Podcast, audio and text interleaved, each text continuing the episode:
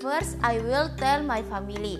My family is simple. I have two older brothers, one younger sister, and one younger brother. My family is very harmonious and cheerful. My second brother study in Surabaya.